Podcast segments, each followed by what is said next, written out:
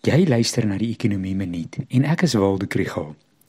Daar is 'n klomp aanwysers wat hierdie week bekend gemaak word, soos die eerste kwartaal se opname van indiensname, Februarie maand se produsenteprys inflasiekoers, kredietverlening aan die private sektor en die handelsbalans. Die item wat die nuus gaan oorheers, is donderdag se repo koersbesluit.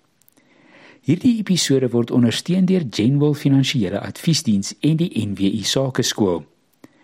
Daar is redelik konsensus dat ekonomiese aktiwiteit gedemp is en groeivooruitsigte lyk sleg. Maar inflasie is nog te ver buite die teikenband.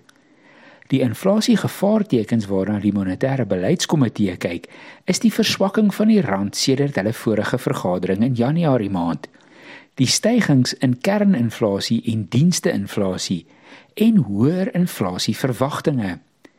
Daarby het Europese en Amerikaanse sentrale banke verlede week hulle uitleenkoerse verhoog.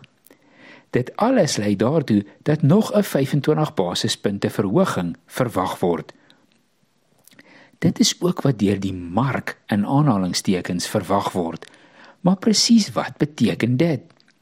Kortweg is dit dat ander rentekoerse reeds hoër is as gevolg van die verwagting dat die repo koers gaan styg. Onthou, die repo is 'n terugkoopkoers van 'n finansiële sekuriteit waardeur banke geld by die Reserwebank leen. Maar hoe lyk die koerse waarteen banke bymekaar leen? Dan Steenkamp van Kudera het onlangs verduidelik dat daar nou twee nuwe maatstawwe gepubliseer word: Zaronia en Zaribor.